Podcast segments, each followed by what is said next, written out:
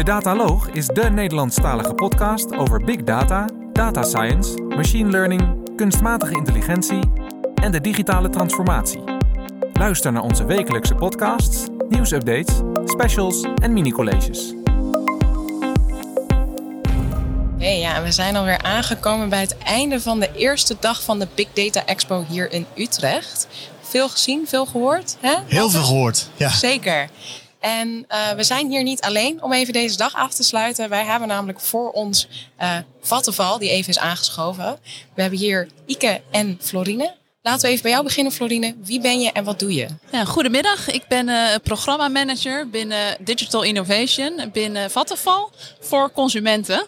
En uh, op dit moment zijn we een project aan het runnen waarbij we klanten proberen te helpen om te verduurzamen met persoonlijke inzichten in verbruik en relevante maatregelen om te verduurzamen. Hey, gaaf. En oh, hoor, applaus, applaus klinkt al. Ik weet niet of je als luisteraar ja. ook hoort, maar uh, goede timing. voor jou. Dan uh, gaan we door naar Ike. Wie ben jij en wat doe jij? Uh, ja, ik ben Ike Ruskus. Ik ben consultant bij GoData Driven. Daar ben ik machine learning engineer. en ik heb het laatste half jaar Vattenfall geholpen op technisch gebied in ditzelfde project waar Florine het over had. Dus ik heb echt helpen de visie van Vattenfall te implementeren in code. En die visie van Vattenfall is fossielvrij leven voor 2030? Binnen één generatie. Binnen één ja, generatie. Voor 2030 kan je wel stellen. Ja, ja. klopt. Dat is een grote ambitie die jullie als organisatie ook, ook hebben. En uh, data speelt daar blijkbaar een behoorlijke rol in. Kan je, kan je daar iets over vertellen? Hoe, hoe data zich verhoudt tot het behalen van die missie? Ja, absoluut. Kijk, in ons geval is data essentieel om inzicht te geven aan klanten hoe ze ervoor staan enerzijds en anderzijds hoe ze kunnen verduurzamen. En uh, Ike zal straks ook wat meer vertellen hoe we dat doen. Maar in ieder geval, het start allemaal met inzichten. Dat is ook een belangrijke klantbehoefte. Hè, hoe sta ik ervoor? Waar gaat mijn verbruik naartoe? Maar dan ook, wat is dan voor mij als persoon in mijn situatie de meest relevante maatregel? En daar ondersteunt data je heel erg goed bij. En als klant van Vattenfall krijg ik dat inzicht uh, vanuit de app zijn er ook andere manieren waarop jullie dat uh, communiceren? De app is een van onze kanalen, maar uh, ja, we proberen dit zoveel mogelijk omni-channel te doen, zoals we dat zeggen. Maar de app is wel het belangrijkste kanaal, want die pak je er gewoon even makkelijk bij en heb je gelijk inzicht in je verbruik. En we zien ook hè, met de huidige prijzen, die zo enorm zijn gestegen, dat steeds meer klanten dagelijks naar de app komen om te kijken hoe ze ervoor staan met hun energieverbruik. Ja, dat is best spannend als je een afrekening krijgt uh, het einde van de maand of het einde van een jaar natuurlijk op dit moment. Heel spannend.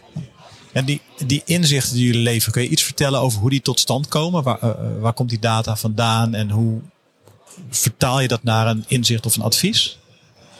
Uh, ja, nou, de belangrijkste bron van data voor ons is slimme meterdata. de meeste mensen hebben een, een, slimme meter thuis en die meet ja, een aantal keer per dag, per uur zelfs, wat jouw energieverbruik is. Daar halen we heel veel data uit. Ehm, maar dat niet alleen. We hebben ook natuurlijk de input van de klant zelf. En die is, die is ook heel waardevol, want die geeft aan hoe de situatie van de klant uh, eruit ziet. Nou, als we die twee bronnen aan informatie combineren, dan kunnen, we, dan kunnen we heel veel bereiken. We kunnen echt persoonlijke inzichten genereren die aansluiten op de situatie van de klant. Uh, maar niet alle klanten geven ons die informatie direct. Um, maar we willen toch alle klanten goede services aanbieden en relevante persoonlijke inzichten geven, uh, die ook leiden tot acties. Nou, om dat te doen uh, gebruiken we uh, kunstmatige intelligentie om ook die informatie aan te vullen waar we die niet hebben op basis van de data die we wel hebben. Zodat we echt voor alle klanten die inzichten kunnen aanbieden. en dat voor alle klanten de stap naar duurzaamheid zo makkelijk mogelijk wordt eigenlijk best wel een complex probleem dan ook om op te lossen vanuit een data science hoek. Hoe hebben jullie dat eigenlijk aangepakt bij Vattenfall? Uh, ja, daar, daar komt veel bij kijken natuurlijk. Kijk, het belangrijkste is dat je begint bij de klantbehoeften. Um, en nou, dat je de, de klant echt, echt wil, leert te, te begrijpen. De, de vragen van de klant, die, die Florine al kort belichten, wil je op een rijtje zetten. Um, en je moet natuurlijk ook de, het doel van Vatval in, in, ja, in, in, in je hoofd houden van we willen ook um, minder CO2-uitstoot, we willen klantinteractie, we willen duurzame producten verkopen natuurlijk. dus, dus die twee dingen naast elkaar, die, die hou je in je hoofd. En dat is het belangrijkste. Je wil die waarde bereiken en vanuit daar ga je terugredeneren naar de data. Dus nou, wat is de waarde? We willen bijvoorbeeld duurzame producten verkopen. Hoe ga je dat meten? Wat is een duurzaam product? Uh, daar, daar, kwam ik, uh, daar kwam ik bijna op.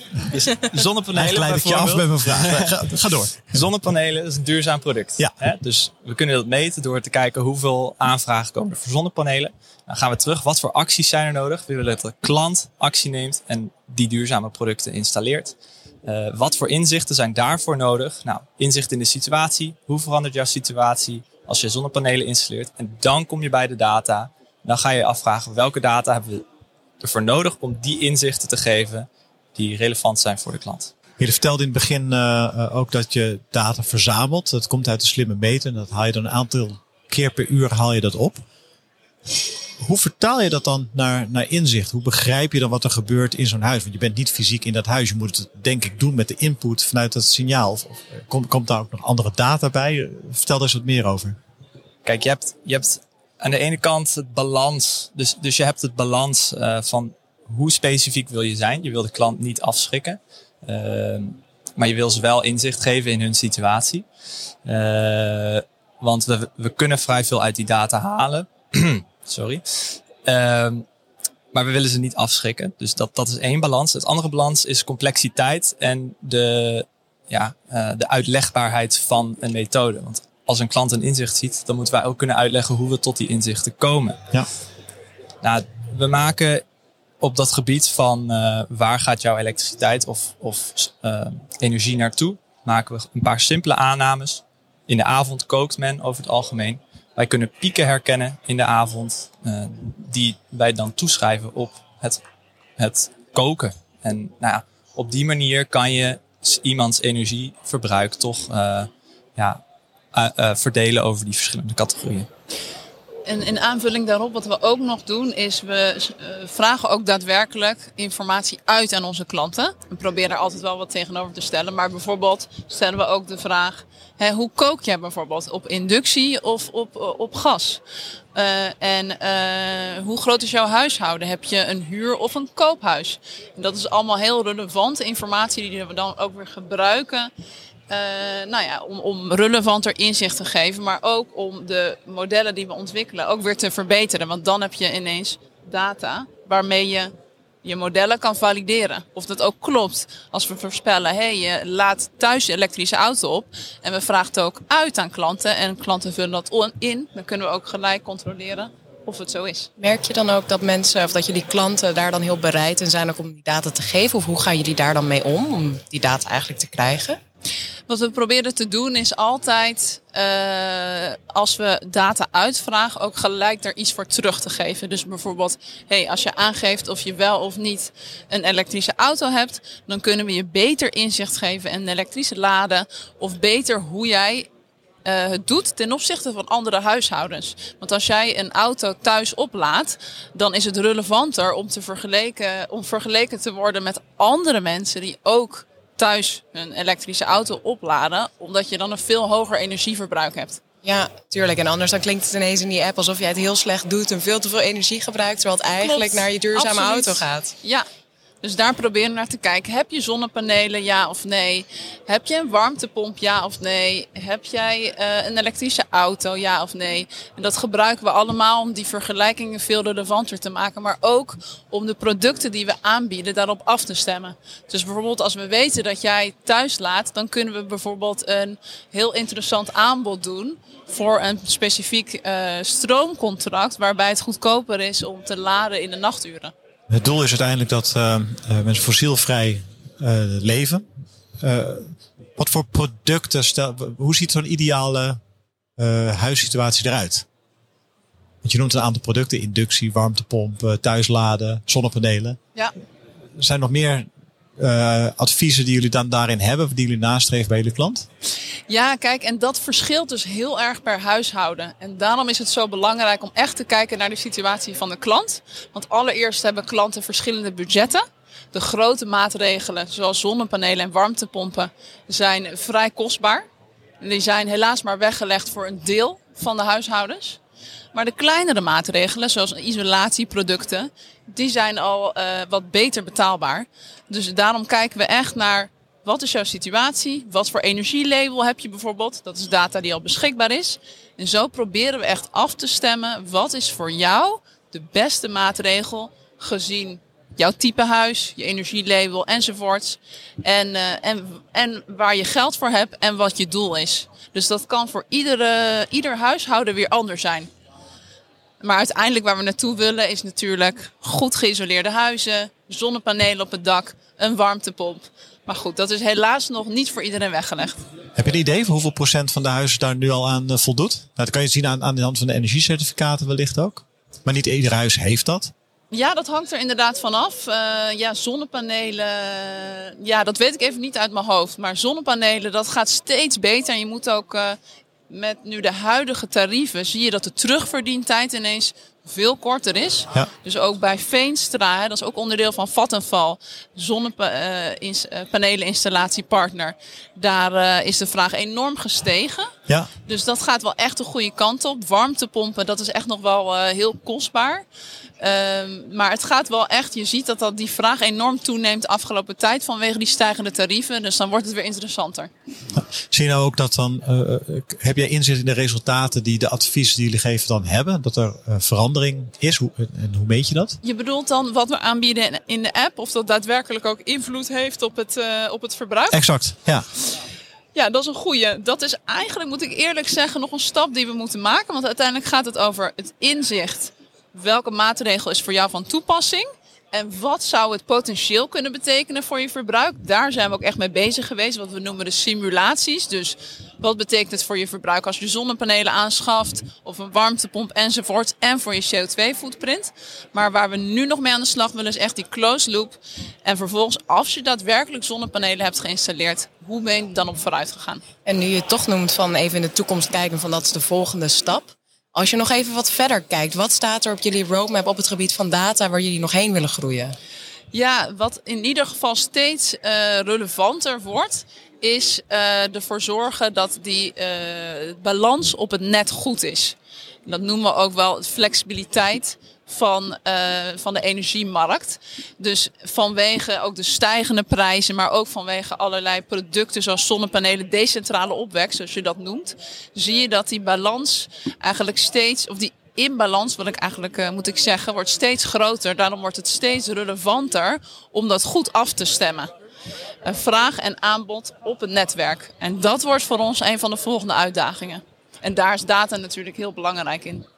Als we kijken, dit is een, een product dat daadwerkelijk ook uh, toegepast wordt. Hè? Dus het is in productie uh, genomen. Nou, ik weet, uh, Anouk, dat daar jouw hart sneller van gaat kloppen. Zeker, daar word ik warm van. En ik denk dat ja, ons luisteraars ook nog geïnteresseerd zijn in de technologie die hier dan voor, voor ingezet is. Ja, hoe is dat model ontwikkeld en ja, op wat voor platform draait dat? Ja, um, nou, we doen alles in de cloud voor vers verschillende redenen. Dus veiligheid van de, of, of ja, wil dat je, je data veilig uh, opgeslagen staat, dat niet iedereen erbij kan. Uh, we hebben natuurlijk heel veel data, dus uh, nou, daarvoor is de cloud ook goed voor. en wij werken zelf ook in de cloud. We ontwikkelen onze producten ook in de cloud. in, in Azure doen we alles. dus we gebruiken Azure Machine Learning, Azure SQL en Databricks in, in combinatie met Azure om eigenlijk alles te ontwikkelen. En dan zeg je, hoe, hoe, nou, hoe gaat het dan verder? Wat zijn de volgende stappen naar productie? Uh, ja, daar komt ook veel bij kijken. We hebben natuurlijk projecten uh, die leven in, in uh, ja, wat is de Nederlandse naam? Repositories op, uh, op Azure. Ja, vertaal dat maar staat Nederlands. Ja, volgens mij gaat dat niet helemaal. daar, hebben we, daar definiëren ook onze CI/CD pipelines, zodat elke keer als we een verandering maken, dan kan het meteen ge geshipped worden naar de app eigenlijk. Ja. Uh, allemaal automatisch. Uh, al onze dataproducten uh, die data manipuleren, die uh, machine learning modellen trainen of runnen, ehm, die, die trappen we eigenlijk ook automatisch af in Azure Data Factory. Hè, daar kan je ja, pipelines definiëren die, die ofwel Azure Machine Learning pipelines aftrappen of Databricks notebooks aftrappen. Want verschillende data scientists uh, hebben verschillende manieren van werken. Dus daar proberen we ook zoveel mogelijk rekening mee te houden. En alle modellen die uh, we produceren, die houden we ook bij. Die uh, geven we ook een versie en die slaan we op in Azure Machine Learning. Waar we ook de performance van onze modellen over tijd monitoren. Om te zien of het nog allemaal klopt of dat het allemaal logisch eruit ziet. Ja, is echt een softwarematige aanpak ook in dus? Uh, ja, er wordt uh, met veel rekening gehouden. En uh, we hebben er echt voor gezorgd dat we een moderne stack hebben om dit proces zo, zo ja, soepel of smooth mogelijk te, te laten gaan. Ja, was er al veel beschikbaar of hebben jullie veel moeten implementeren voor dit project? Voor dit project uh, stond alles al redelijk goed geregeld. Uh, het is natuurlijk, je werkt met verschillende teams en verschillende teams moeten op, op, elkaar inspelen. Dus vooral de way of working moet dan goed afgestemd worden. De tools die, die waren er met dit project al wel. Maar daar is natuurlijk ook werk aan vooraf gegaan. en dat is, nou ja, dat is daarvoor gebeurt. En dat is een proces van jaren dat, om dat goed in te zetten. Kan jij daar misschien iets over zeggen? Heb jij dat bij Vattenfall meegemaakt hoe dat proces is gegaan om deze stack op te bouwen? Want je noemt net een hele rits aan verschillende tools eigenlijk die jullie gebruiken. Dat komt natuurlijk niet vanuit niets. Hoe is dat bij jullie gegaan? Ja, ik zit zelf bij, uh, ik zit niet bij de CI-afdeling. Uh, dus heb niet zo heel veel technische kennis daarvan. Maar ik weet wel dat er veel stappen zijn gezet de afgelopen jaren. En uh, ja, er is zeker gewerkt aan professionele stack enerzijds. Maar wat wel inderdaad redelijk nieuw is, is dat we juist ook onze voorspelmodellen en andere dataproducten naar de customer touchpoints zijn gaan brengen. Want voorheen uh, werden die dataproducten met name ook naar nou ja, goed, andere systemen intern gebracht. Maar nu voor het eerst wordt er ook gelijk door de klant gebruik van gemaakt in een productieomgeving.